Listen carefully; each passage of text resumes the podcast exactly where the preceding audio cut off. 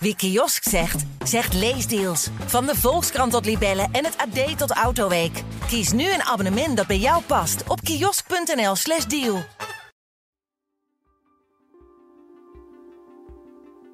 Hallo, Corrie Gerritsma hier. Leuk nieuws, we gaan het theater in met de Parool Misdaad podcast. Met Paul Vugts en Wouter Laumans praat ik over hun werk als misdaadjournalist. Wat drijft ze en hoe zijn ze in het vak gerold? En op welke manier is de misdaad de afgelopen jaren verhard? Hoe gevaarlijk is het eigenlijk om misdaadjournalist te zijn? Vrijdag 15 maart is de aftrap in Theater de Meervaart in Amsterdam. Kaarten zijn nu te koop via parool.nl/slash live. Dit programma wordt mede mogelijk gemaakt door Toto.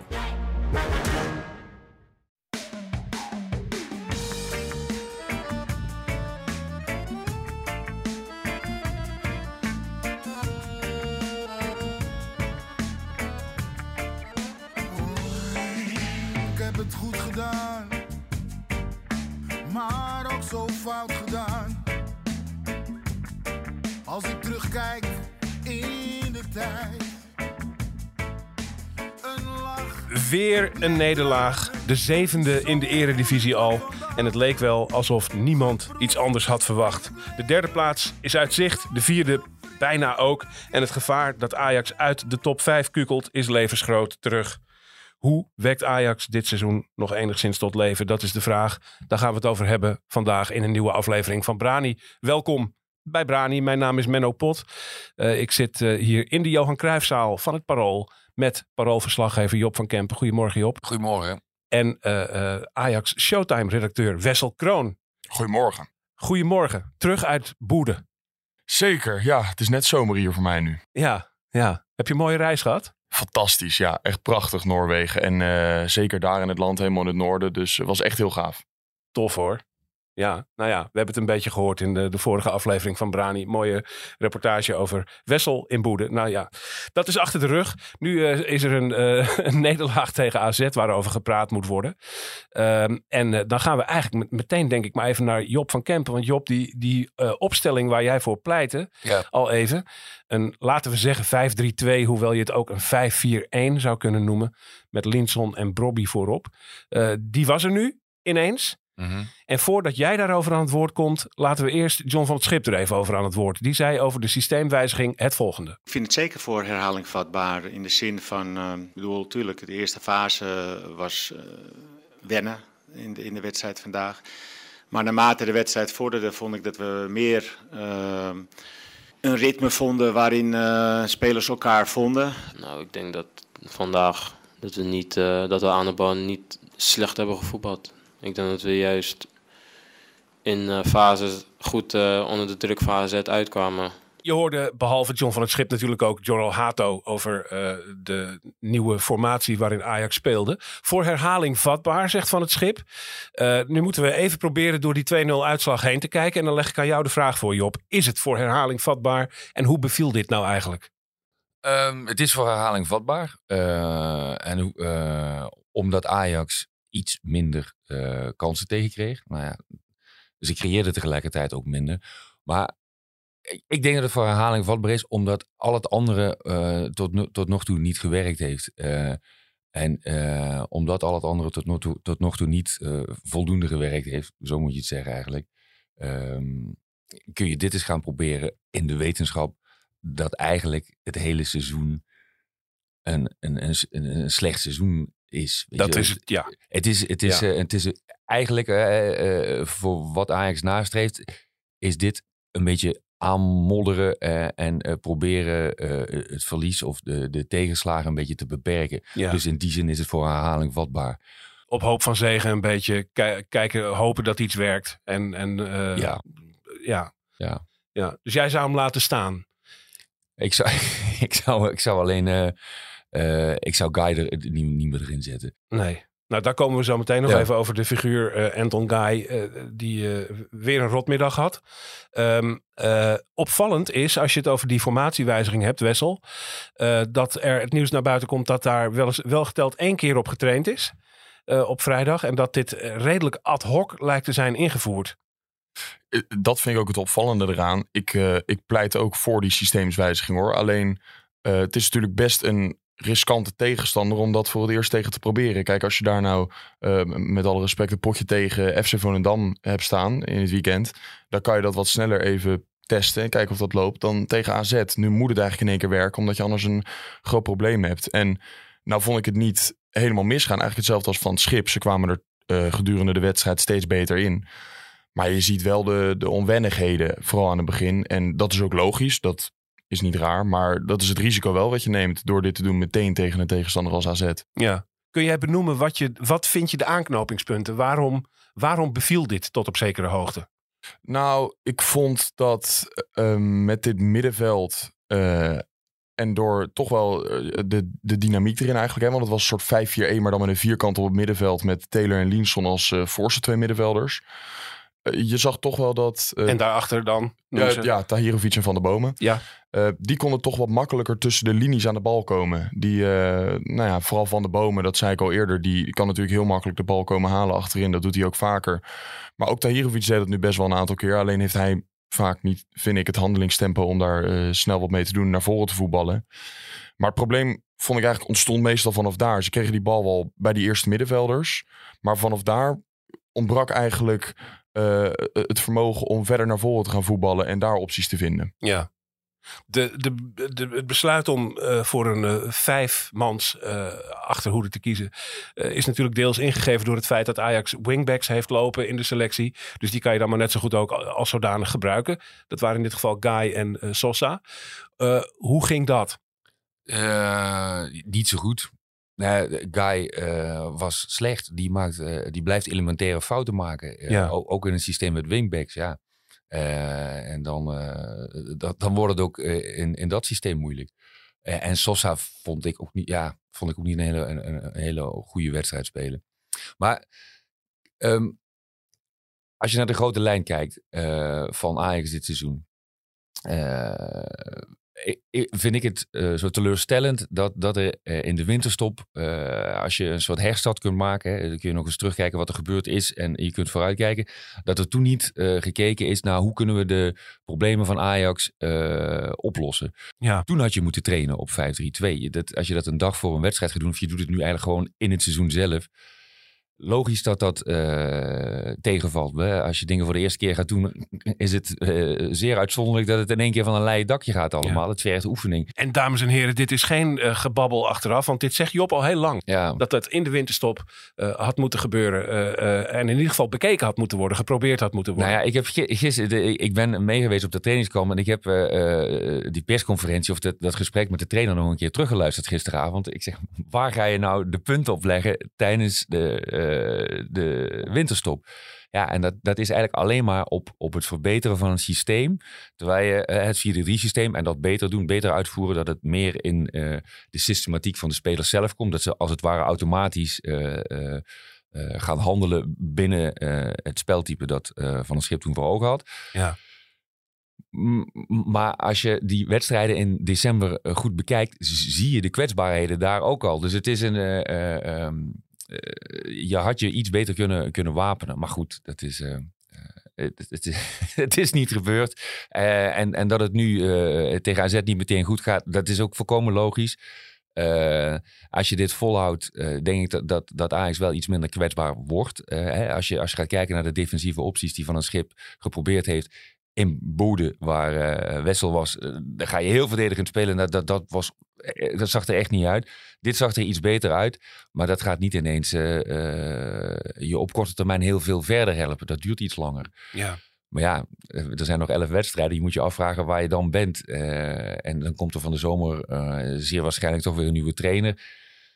Dus ja, eh, het, is, het is al met al een beetje een somber perspectief, eh, dames en heren. Eigenlijk is het geen perspectief. Eh, het, ja, Nee, je moet je, moet je noodgreep afvragen. na noodgreep. Ja, maar je moet je afvragen hoe je hier nog een perspectief aan kunt geven. Dus er gaat ongetwijfeld een grote schoonmaak volgen in, de, in, de, in de zomer. Ja. De spelers met wie je verder wil, hoe kunnen die van dit seizoen nog iets opsteken? Wat kunnen die hier eh, voor het volgende seizoen eh, nog uit meenemen? En dat zijn wel belangrijke vragen. Ja, en ook een hele belangrijke vraag. Hoe ga je van dit seizoen hoe mislukt het ook allemaal is, nog iets maken. Want het is nog, we moeten nog een ontzettend lang stuk. Hè? Ja. Elf wedstrijden nog. Dat is een derde deel van je seizoen. Is nog voor de boeg. Eh, dat vlammetje moet niet uitwaaien, want dan kan je nog echt heel diep vallen. Dus er moet wel iets van een, eh, een purpose blijven, een doel eh, om, om voor te gaan. Dus ook in dit seizoen zal Ajax zichzelf een opdracht moeten stellen om nog ja, ergens voor te gaan. Wessel, ik wil jou graag even horen over Anton Guy. Zeg daar eens iets verstandigs over. Daar is het debat gisteren enorm over gegaan eh, onder Ajaxide. Ehm de wissel, zijn spel, het feit dat hij speelde. Zeg er iets over.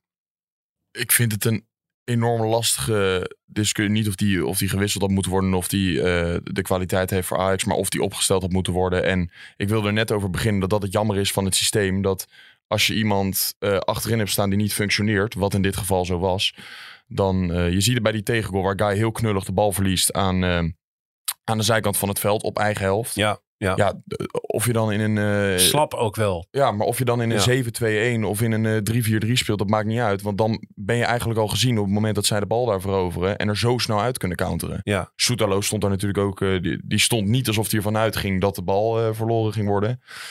Maar dan, dan heb je vrij weinig aan zo'n systeem als je dat soort persoonlijke fouten gemaakt ziet worden. En dat was natuurlijk een van de voorbeelden. Die werd, nou, die werd dan afgestraft. Maar hij heeft het later natuurlijk ook nog een keer gekregen. Dat had een doelpunt moeten zijn voor AZ. Ja. En je mag dan het. Dat is echt een beginnersfout natuurlijk. Hè? Als jij zoveel man daar voor de bal hebt. En je besluit daar iemand uit te kappen. En dat mislukt. Ja, dat. Ik snap wel dat op zich is al een reden om iemand te wisselen. Um, en het is natuurlijk wel gewoon profvoetbal. Hè. Het is geen um, zachte wereld. Het is alleen heel treurig wat er daarna gebeurt. Omdat ik nog steeds bij hem denk dat hij niet goed genoeg is voor Ajax. Dat is niet zijn schuld. Nee. Als hij een aanbieding... Maar maak even specifiek wat er daarna gebeurde. Dat hij dan gewisseld wordt in de 36e minuut, was het uit mijn hoofd. Ja.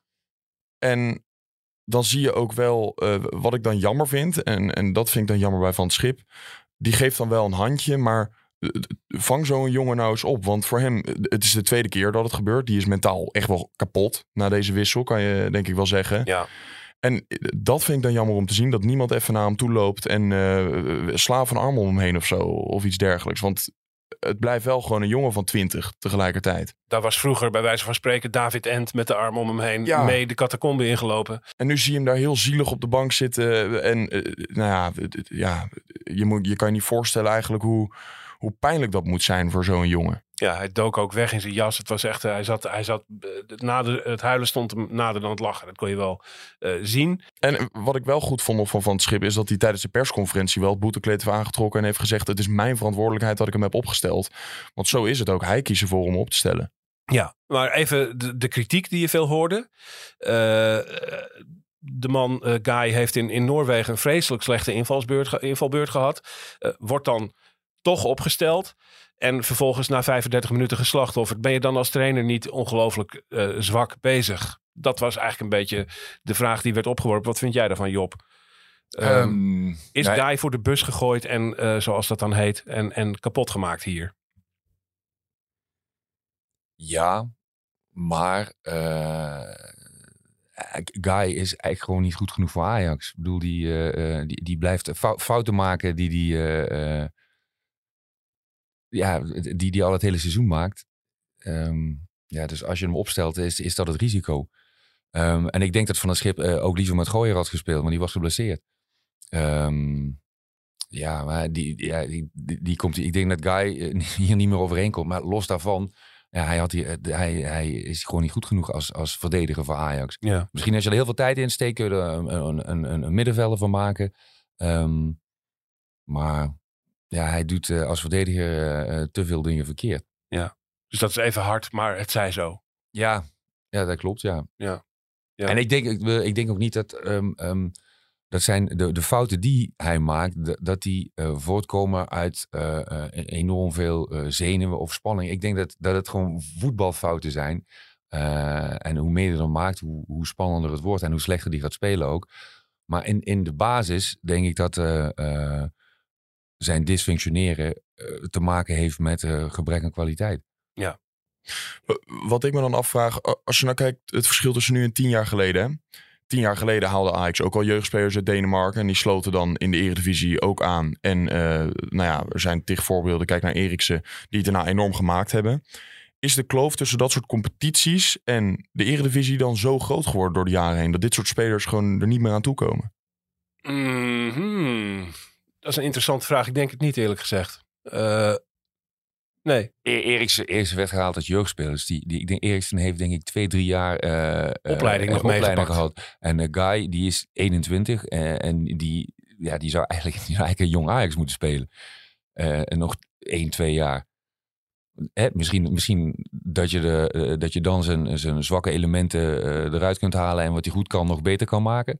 Ehm, maar die, het eerste elftal van Ajax is voor hem eh, eh, wat Ajax nastreeft dan, hè, moeten we Ja, zeggen. Is, Maar dat ik is denk, dat, om, om de vraag van Wessel te beantwoorden. Ik denk niet dat de stap Denemarken naar Nederland aan zich groter Groot is, geworden nee. is of moeilijker geworden is. Eh, het is alleen voor Anton Gaai een moeilijke stap. Ja. Dus dat heeft denk ik niet met de competities of de landen te maken. Ik wil eventjes iets eh, eh, bespreken wat toch wel opvallend is. Na de wedstrijd kreeg ik de statistieken te zien van de wedstrijd. En dan heb je het over percentages balbezit, het aantal completed passes, eh, expected goals, schoten op doel. En dan zag je dat het eigenlijk een hele uitgebalanceerde, gelijkwaardige wedstrijd was. Als je de statistieken le- leidend laat zijn, was het er een die Ajax niet per se had hoeven verliezen. Ehm, maar hoe was de wedstrijd echt, Job? Ajax heeft eh, eh, minder kansen gekregen dan AZ. Dus eh, vanuit dat perspectief vind ik het logisch dat Ajax hem verloor. Wessel. ik vond alleen, even terugkomend op die statistieken. Eh, ik snap het wel redelijk. Ik vond het veldspel van AZ niet fantastisch. AZ was niet echt, ik vond ze niet per se beter. Hoefde niet eens goed te zijn om Eh, toch van Ajax te winnen. Maar als je de goals, het verschil tussen Ajax en, en teams als AZ op dit moment is dat als je de goals zo makkelijk gaat weggeven en jouw tegenstander doet dat niet, want het is twee keer, de eerste keer geeft Guy die goal weg en eh, de, de tweede keer die voorzet vanaf de zijkant waar Rens gewoon echt niet kort genoeg staat te dekken. Ik bedoel, hoe kan het nou dat een tegenstander de bal in je eigen strafschopgebied kan aannemen zonder iemand om zich heen en hem vrij kan inschieten? Ja. Ja, dat zie je gewoon niet gebeuren bij ploegen als AZ. Dat is gewoon een stukje scherp zijn. En als je ze zo weg gaat geven, ja, dan is het verschil van twee doelpunten gauw gemaakt. Ik heb erover na zitten denken, hè, over die statistieken. Want het verbaasde mij dat het er eigenlijk zo gelijkwaardig uitzag in theorie. Eh, eh, maar ik zat in het stadion eh, vrij hoog. Ik keek van hoog op het veld neer. En dan zie je toch, ja, de statistieken kunnen wel gelijkwaardig zijn. Maar je ziet toch aan AZ-kant, je ziet die formatie. Je ziet een elftal dat logisch staat. Dat eigenlijk de logische dingen doet. eh, elkaar eh, makkelijk vindt. En bij Ajax zie je dat het voortdurend uit het lood is. Er staan kluitjes, er zijn zones van het veld helemaal leeg. eh, er vallen gaten. En je ziet gewoon bij elke paas die Ajax geeft, het gaat nooit makkelijk. Als, als er geopend wordt vanaf links naar rechts, omdat daar iemand veel ruimte heeft, eh, op, op, op Guy bijvoorbeeld of zo. Je ziet dat die paas die naar hem toe gaat, die is er altijd anderhalve meter achter. Of hij is te hard, te ver naar voren, zodat hij moet sprinten om hem binnen te houden. Of hij is te kort, zodat hij er naartoe moet. Het lijkt wel alsof bij elke bal, elke paas, Ajax een corrigerend sprintje moet trekken om het, om het goed te laten komen. Het is super onwennig. Het is zo slordig allemaal. En dat Zo- heeft ook niks te maken met je systeem. Dat heeft ermee te maken. En dat zie je in die statistieken niet terug. Terwijl daar uiteindelijk wel de crux zit, voor mijn gevoel. Nou, het, het is ook gewoon een, echt een gebrek. Ja, dat is al vaak genoeg gezegd. Maar de, de- de- deze wedstrijd werd dat voor mij eigenlijk nog meer duidelijk dan in voorgaande wedstrijden. Dat je gewoon echt een gebrek aan individuele kwaliteit hebt. Dat Ja. je gewoon echt. Eh, het is niet dat, er- dat iemand niet lekker in een wedstrijd zit. Sommige spelers kunnen gewoon echt niet beter. En die, die krijgen het niet voor elkaar om een bal op. eh, ik bedoel, als Sosa en, en Guy, dat zijn het dan in deze wedstrijd diepgaande backs in balbezit. En als je die spelers dan ballen in de voeten gaat aanspelen, ja, dan, dan snap je het gewoon niet. Want dat moet je, je moet ze altijd dan in de loop aanspelen en die bal meegeven. En dat, als je zo'n hele wedstrijd terug gaat kijken en kijken hoe vaak dat gebeurt, dan denk je, ja, er, zal, er kan zoveel meer tempo in zitten bij Ajax. Ja. Als je gewoon simpelweg een bal maar op dat, het dat goede komt been dus door wat ik zeg, volgens Ja. mij, toch? Dat, je, dat ze bij elke bal een corrigerende actie moeten maken. Even een sprintje, even terug, even die bal ophalen. Even, even twee keer aanraken om hem onder controle te hebben. Daardoor gaat voortdurend overal het tempo uit. En de verrassing ook. Ja, ik ben het helemaal met je eens. Het is, het is zo'n... eh, en dat, ja, dat, op de een of andere manier zag ik dat nu zo voor me liggen dat ik, ik kon er bijna niet naar kijken eigenlijk eerlijk gezegd. En dan kan het wel qua statistieken een gelijkwaardige pot zijn geweest. Maar je ziet gewoon toch twee niet gelijkwaardige elftallen. Mhm. Je ziet een elftal versus los zand. Ja, je ziet, je ziet heel veel onwennigheid. En, Ja. eh, Maar hoe kan dat nou? Want dat speelt toch inmiddels een, bijna een eh, twee derde seizoen samen. En ook onder van het schip al maanden. Ja. Die onwennigheid blijft. Ja, omdat ze in een andere formatie spelen. En ehm, ja, omdat de, de hele selectie. eh, eh, nou ja, ook. d- d- Er staat gewoon veel spanning op ook. Eh, Ja. Het is, eh, de, de, het- de, er is niet heel veel duidelijkheid. Er is niet heel veel houvast in het voetbal. En mentaal is het ook wiebelig allemaal. Ja. En die, Ja. twee, die twee samen, die zorgen ervoor dat je, dat- je zo'n zo'n wedstrijdbeeld krijgt, denk ik. Plus het feit dat, wat Wessel ook zegt, dat er ook gewoon zwakke broeders tussen zitten. Ja. Even een eh, eh, grappig dingetje, waarbij je grappig eh, ironisch eh, mag opvatten. Wij zagen eh, s ochtends, neem ik aan, jullie net zoals ik, de opstelling binnenkomen en we dachten, hé, hey, daar is hij, de 5-3-2 of de 5-4-1. En dan hoor je na de wedstrijd Jordi Klaasie aan het woord van AZ en die zegt het volgende. We wisten gisteren eigenlijk wel een beetje dat hun niet meer met, eh, met, met een oude vertrouwen opstelling zouden spelen. Gisteren? Ja, er was, was heel veel was naar buiten gekomen. En eh, ja, je hebt altijd wel mensen die natuurlijk via, via communiceren en praten in de voetbalrij. Dat werkt helemaal zo. Dus we hadden al een, eh, een vermoeden dat ze, dat ze met vijf achterop zouden spelen en een eh, vierkant proberen op middenveld te maken. Nou, dat is me toch een opvallende vaststelling. Eh, Ajax is dus niet alleen verdedigend achterin heel erg lek. Maar het is ook nog qua communicatie hartstikke lek. Want dat Ajax in een 5-3-2 eh, eh, ging spelen, dat was blijkbaar op de een of andere manier had dat nieuws de oortjes van Jordi Klaasie al bereikt. Wat kunnen we daar nou weer over zeggen, Wessel?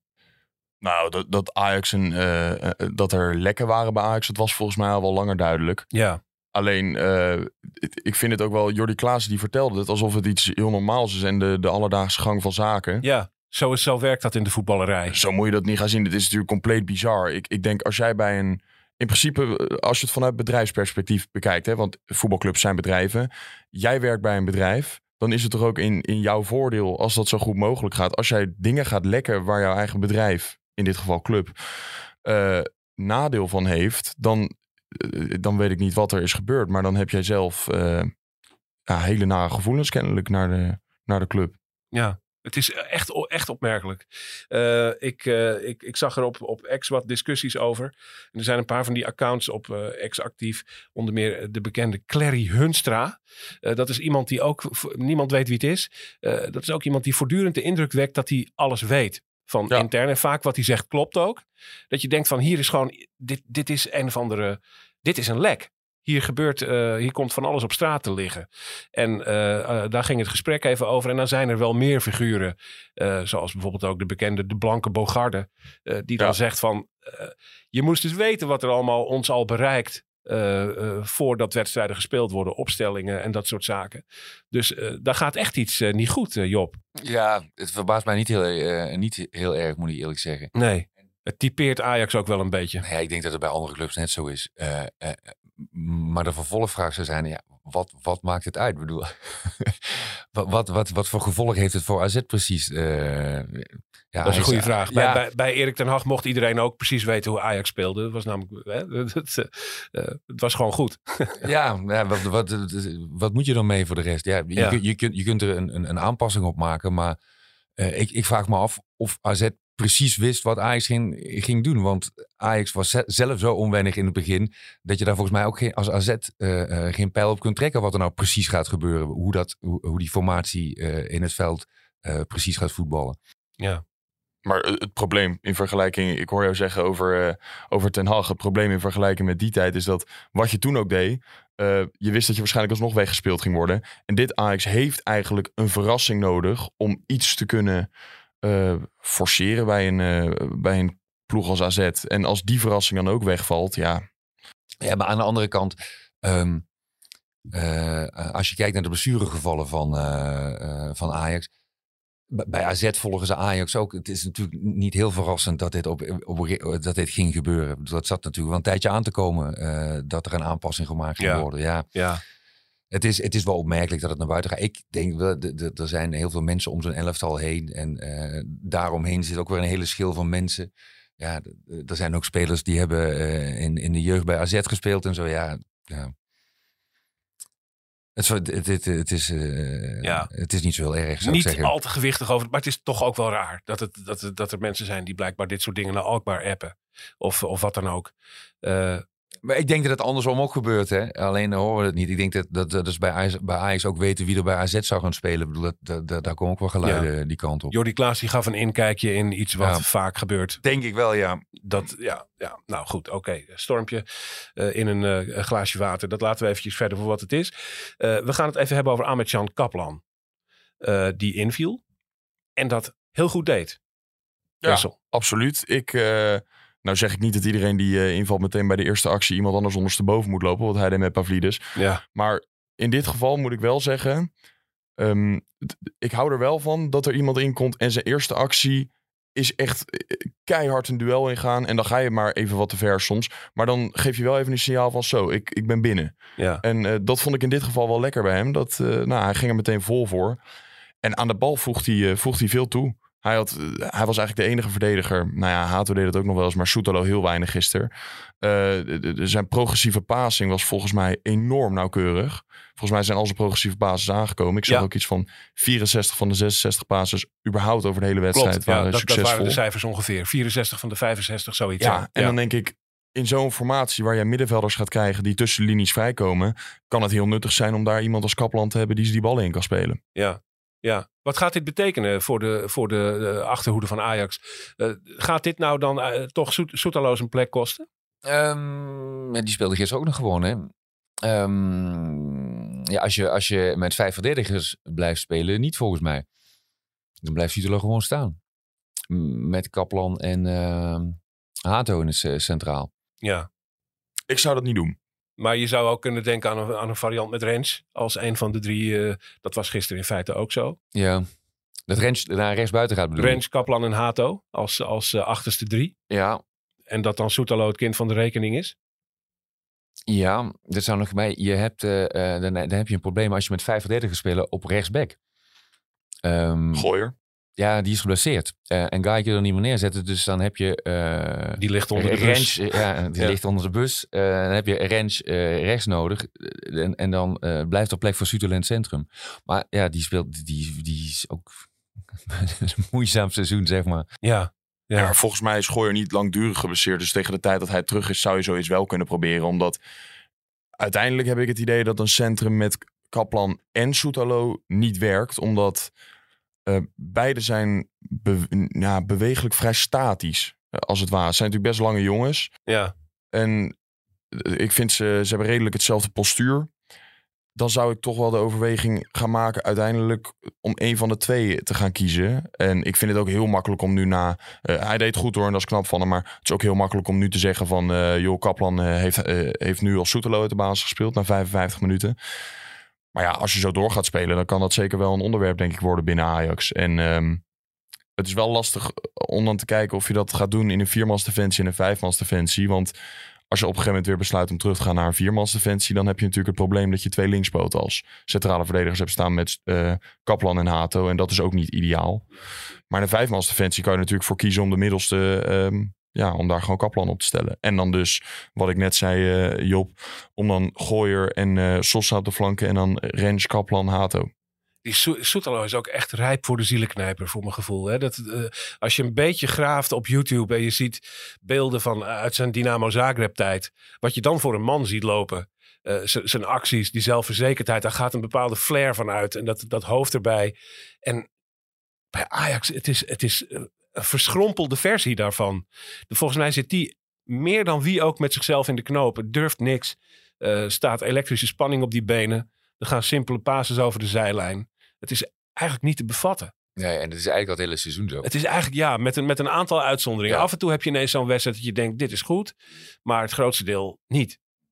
Hij wisselt gewoon één goed moment standaard af met twee slecht eigenlijk. Ja, ja, ja. ja. En, en eh, dan kun je het hebben over, ligt dat dan aan basisvaardigheden en dat soort zaken. Volgens mij zit het puur in zijn kop. Dat denk ik basisvaardigheden heeft hij echt wel. Maar ik, ik weiger bij eh, spelers die op een WK hebben gespeeld en daar de halve finale hebben gehaald. En ook veel hebben gespeeld. Want Soetelo heeft volgens mij afgelopen WK ook eh, veel minuten gemaakt. ik weiger van dat soort spelers te geloven dat ze het daadwerkelijk niet kunnen. Dat ze die basisvaardigheden niet hebben. Nee, ja. Ja, dat, dat speelt puur in de, in de kop. En in- dat is natuurlijk dit seizoen bij heel veel Ajax zo. Maar ehm, het, het zou zo lekker zijn als, als nou eens een keer een meevaller is dat dat een keer goed komt. Ja, wat dat betreft is dat is ook een, een deel van de klus die Ajax komende zomer wacht. Denk ik dat je behalve, je hebt het niet alleen over spelers wegsturen en anderen daarvoor terughalen. Maar je hebt het ook over, over mentaal oplappen. Eh, daar zal echt ook werk liggen. Eh, voor Anton Gaai is het misschien te laat. Maar zo iemand als Sutterlo, die moet toch eh, eh, psychisch naar, naar zijn oude Zagreb niveau teruggehaald kunnen worden. En eh, weer, iets, weer iets gaan uitstralen. Dat kan toch haast niet anders dan dat dat mogelijk is. Ja, dat, eh, dat lijkt me wel. Ik, ja, laat je hopen dat het weer eh, terugkomt naar dat niveau. Ja. ja. Moeten we het nog even over Ruben van Bommel hebben? Joh.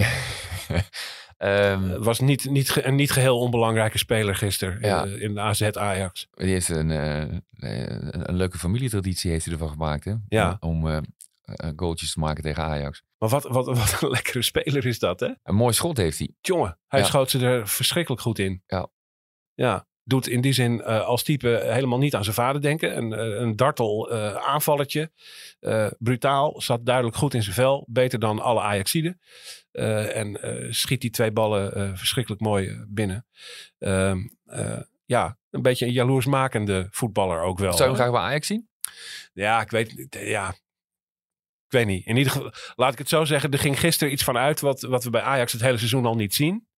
En dan denk je wel van, ja, je zou in elk geval jezelf weer wat meer de taak moeten stellen om, om dit soort flair dichter bij huis te zoeken. En dat niet in Carlos Forbes te zoeken bijvoorbeeld. Ja. Het lijkt wel alsof die gifweken ook wat dat betreft dit seizoen helemaal leeg moeten. Dat het niet alleen slechte uitslagen zijn, maar dat het dan ook nog eens de zoon van Mark van Bommel Ja, is die de twee doelpunten tegen je we maakt. moeten het, eh, we krijgen het allemaal. Het, we Allemaal, moeten er- ja, ja. alles. Er wordt geen enkel detail blijft daar, eh, eh, blijft daar, blijft daar achter. Ja. Maar hoe, zie- hoe zie jij het, het vervolg van het seizoen nog? Er zijn nog elf wedstrijden te gaan en je speelt nog tegen Aston Villa in de Conference League. ja, daar zie ik vreselijk tegenop. Ja. Die wedstrijden tegen Aston Villa, dat is gewoon echt een, een eh, te hoog eh, gegrepen iets, denk ik. Maar het, het gaat vooral even om die elf eh, competitiewedstrijden. Te beginnen met nog- Utrecht thuis. Ja, dat, dat, dat wordt dan natuurlijk al een heel groot probleem. Die, die hebben geloof ik nu 15 keer achter elkaar niet verloren. Of 16 inmiddels al. Eh, zijn ontzettend goed bezig. Eh, beginnen een beetje in de, in de nek van Ajax te hijgen ook. Dus dat, ja, dat, dat is echt weer zo'n wedstrijd waar het best wel een beetje erop of eronder is. En waar niks gegarandeerd is. Dus de- er is echt nog heel veel om, om voor te vechten. Dan krijg je die kwestie eh, vijf verdedigers. Hè? Eh, Ja. En nog, nog even over Kaplan. waar net, want dat is de 34e speler die Ajax dit seizoen Ja, gebruikt heeft. Een een record. Ja, dat Ja. Is, eh, dan maakt het ook niet beter allemaal, zou ik zeggen. Maar moet je thuis moet je dan problemen zien in het afwijken van de huisstijl? Zou, zou van het schip Nee, zeggen- dat zou, nee, nee, nee. Vasthouden daaraan. Ik, ik zou dat nu in godsnaam niet weer terugschakelen naar iets anders. Eh, je moet nu die, die 5-3-2 formatie in Ja. elk geval. 5-4-1 was het. Ja, Ja, ja, in vijf verdedigers moet je noemen. Je kunt je afvragen ja. of het niet een echte 5-3-2 zou moeten zijn. Want nu was eigenlijk de tweede aanvaller was Linson. En dat, dat, Ja, eh, Robbie heeft een eenzame middag gehad in die heeft eh, daar alleen gestaan. Dus het was eigenlijk een 5-4-1. Eh, ik zou toch eerder denken aan een echte 5-3-2 met twee aanvallers voorop. Dat kan eh, een ekpom zijn. Het kan ook een sneller zijn. Iemand als Forbes. En hopelijk eh, Bergwijn als hij terugkomt. Want die kan daar ook goed in eh, eh, functioneren. Ja. Maar ik zou aan de formatie, aan het idee van deze... In godsnaam nu even vasthouden. En wat, Wessel? Wat Ja, vind jij? ik ben het ermee eens. Ik, je kan er inderdaad alleen voor kiezen om het anders in te vullen. Ik dacht bijvoorbeeld voor deze wedstrijd had ik ook voor... Ja, Guy kan je natuurlijk over twijfelen. Maar voor, deze vijfmans defensie gekozen. En dan bijvoorbeeld met daarvoor, eh, in, in het geval dat iedereen fit is, B- Branko van de Bomen en Jordan Henderson. Maar ja, Tahirovic logische vervanger dan natuurlijk in dit geval. Ja, ja. En daarvoor zou je dan kunnen denken aan het, het trio Berghuis, wat meer achter de spitsen. En dan Bobby en Bergwijn als diepe mannen. Exact. Ja. Daar zat ik wat meer aan te denken. Nu ging je het heel ingewikkeld maken met een vierkant op het middenveld. En dan die backs die daar als een soort buitenspelers dan weer omhoog komen. Ja, dan denk ik, kan je het jezelf dan niet ietsje makkelijker maken ehm, door niet met dat vierkant te gaan spelen. ja, nou ja, dat zijn de, de finesses die je, die je anders kunt aanpakken. Maar om op de kernvraag van Job terug te komen. Ik zou absoluut geen scrupules voelen om eh, eh, Nee. voor eigen publiek van de huisstijl af te wijken. Doe dat in vredesnaam. Want het Ajax-publiek snakt naar een elftal dat min of meer functioneert. Dus Maar- laat dat nu gewoon gebeuren, dan maar in een andere formatie. Maar, maar nog even iets over die, over die huisstijl. Hè. Eh, 4-3-3, daarvan wordt vaak gezegd dat is de huis, huisstijl van Ajax. Ja, Maar eh, in principe eh, eh, is de huisstijl van Ajax om attractief en aanvallend te voetballen. Het maakt niet zoveel uit of welk systeem dat is. historisch gezien zijn er andere varianten geweest dan 4-3-3. Ja. Ja. Het, het, het moet een, het, een, een systeem moet een middel zijn om een bepaald soort leuk, aantrekkelijk, mooi, fijn voetbal te spelen. Ja. Eh, dat is- het, dat is, is- het, het is niet een doel op zich, zeg maar.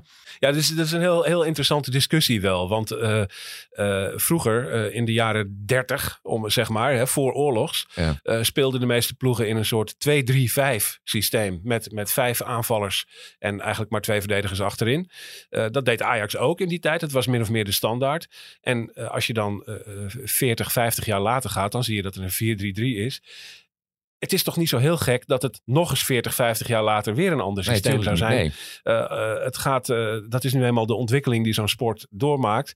Waarbij denk ik de kernwaarde van de Ajax-huisstijl vooral is dat het aanvallend en attractief Ja. voetbal is, gebaseerd op techniek, waarbij gebruik wordt gemaakt van de ruimte op de vleugels. Maar dat kan op verschillende manieren. Nou, maar goed, het is natuurlijk wel zo dat over het algemeen is een 5-3-2 gewoon, ja, je kan het heel simpel redeneren, omdat je een mannetje minder voor je verdediging hebt staan, zorgt het over het algemeen vanaf het middenveld voor minder attractief voetbal. En dat zou je nog op verschillende manieren kunnen oplossen door bijvoorbeeld een, eh, nou ja, eh, Frenkie de Jong was daar toen ideaal voor in 2019. Als je toen een vijfmans defensie had geprobeerd en hem in de verdediging had gezet, die kan dan in balbezit, zou die het middenveld in kunnen schuiven. En Ja. dan speel je in balbezit weer in een 4-3. Ja, ja, En daar zijn ook verschillende oplossingen voor. Maar op het moment dat jij er echt voor kiest om dan eh, drie centrale verdedigers op te stellen, dan wordt het voetbal vanaf het middenveld natuurlijk wel minder. Ja, maar ik, ik zei het vorige week geloof ik ook. Een elfte, een, een formatie waarin Ajax min of meer zijn draai gaat vinden en vastigheid vindt, is per definitie attractiever dan een formatie waarin Ajax zijn draai niet vindt. Mhm. Er is niks erger dan een ploeterend elftal dat eh, geen structuur weet te vinden. Dus dan denk ik, nou, eh, laat het maar eens eh, op deze manier proberen. En, en voor volgend seizoen bijvoorbeeld, hè, er moet een nieuwe trainer komen. Stel, ehm, eh, er komt een trainer, eh, die Knoetsen, ik noem maar een voorbeeld. Hè, eh, ehm, die speelt niet typisch op een Ajax-manier. Die speelt wel 4-3-3, maar die, die heeft een veel sneller omslag. Dat zou toch in principe ook moeten kunnen. Hè? Ja, zolang, zolang het maar attractief en, en aanvallend is, Ja. eh, zijn er best wel veel opties. Ik bedoel, het, het Ajax-systeem is niet een, een, een gegeven waarbinnen, je, eh, moet waar, waarbinnen een trainer zich moet functioneren. Die, die heeft de vrijheid om te variëren. Ja, nee, de, de, de Ajax-huisstijl-formatie is een levend, zich ontwikkelend organisme. Ja. Dat ontwikkelt eh, door. En dat is niet in beton gegoten. Het is niet zo dat dat nu per definitie precies hetzelfde moet zijn, moet zijn als 50 jaar geleden in de jaren 70. Nee, even, even, nee. eh, en, en als je naar Feyenoord kijkt, Slot bijvoorbeeld.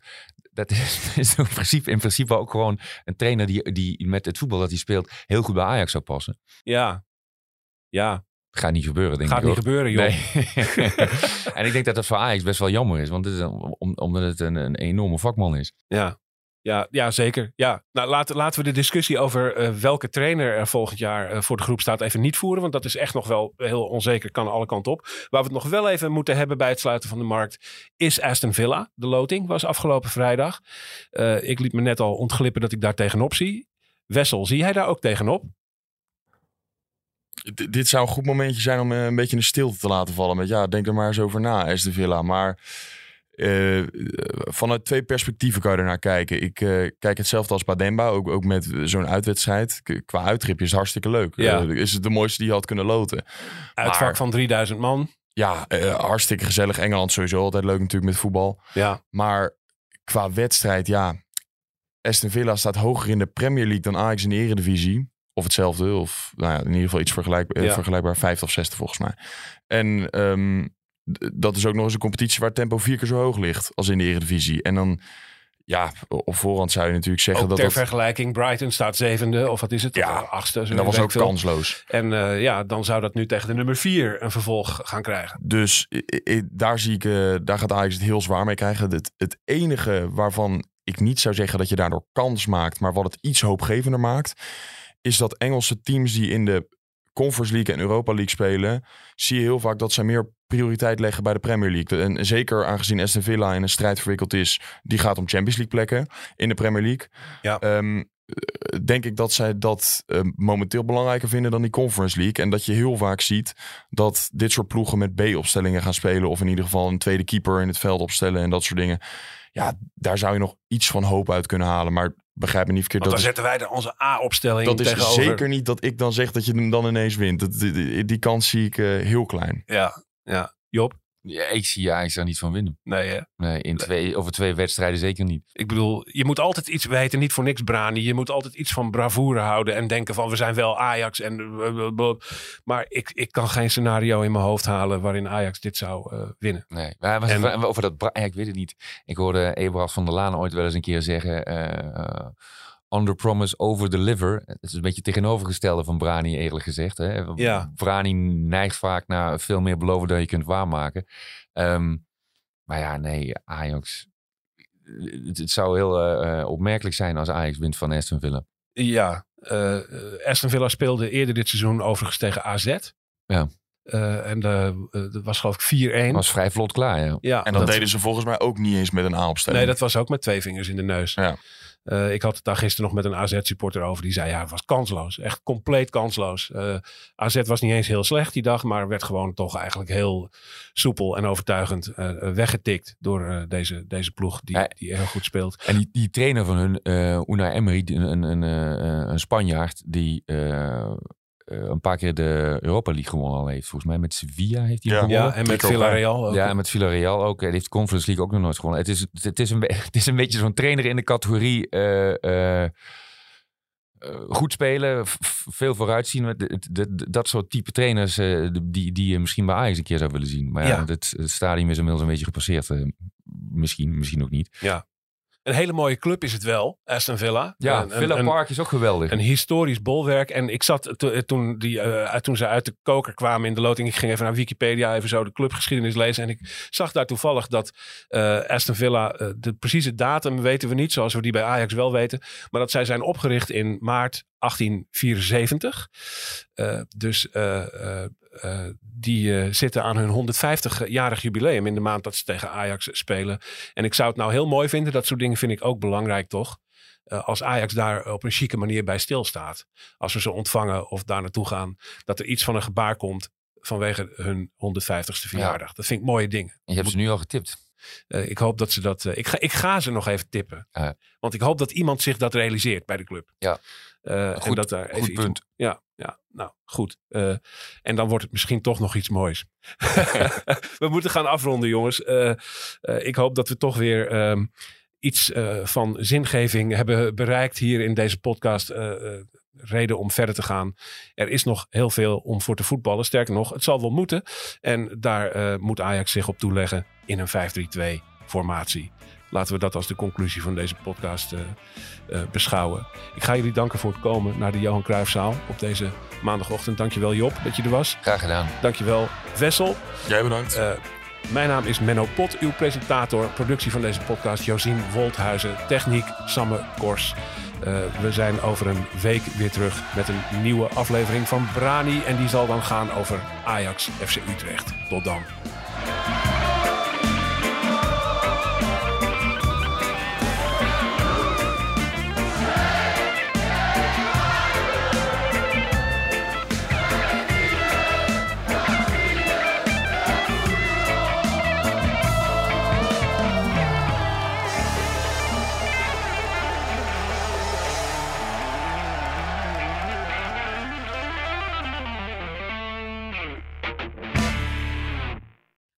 Ik ben Camilla Leupen, hoofdredacteur van Het Parool. Heb je genoten van deze podcast? Dan vind je onze artikelen misschien ook interessant. Een abonnement heb je al voor een paar euro per week. Je kan het ook eerst een paar weken proberen. Ga naar parool.nl slash podcastactie voor een actuele aanbieding. Dag! Wie kiosk zegt, zegt leesdeals. Van de Volkskrant tot Libellen en het AD tot Autoweek. Kies nu een abonnement dat bij jou past op kiosk.nl/slash deal.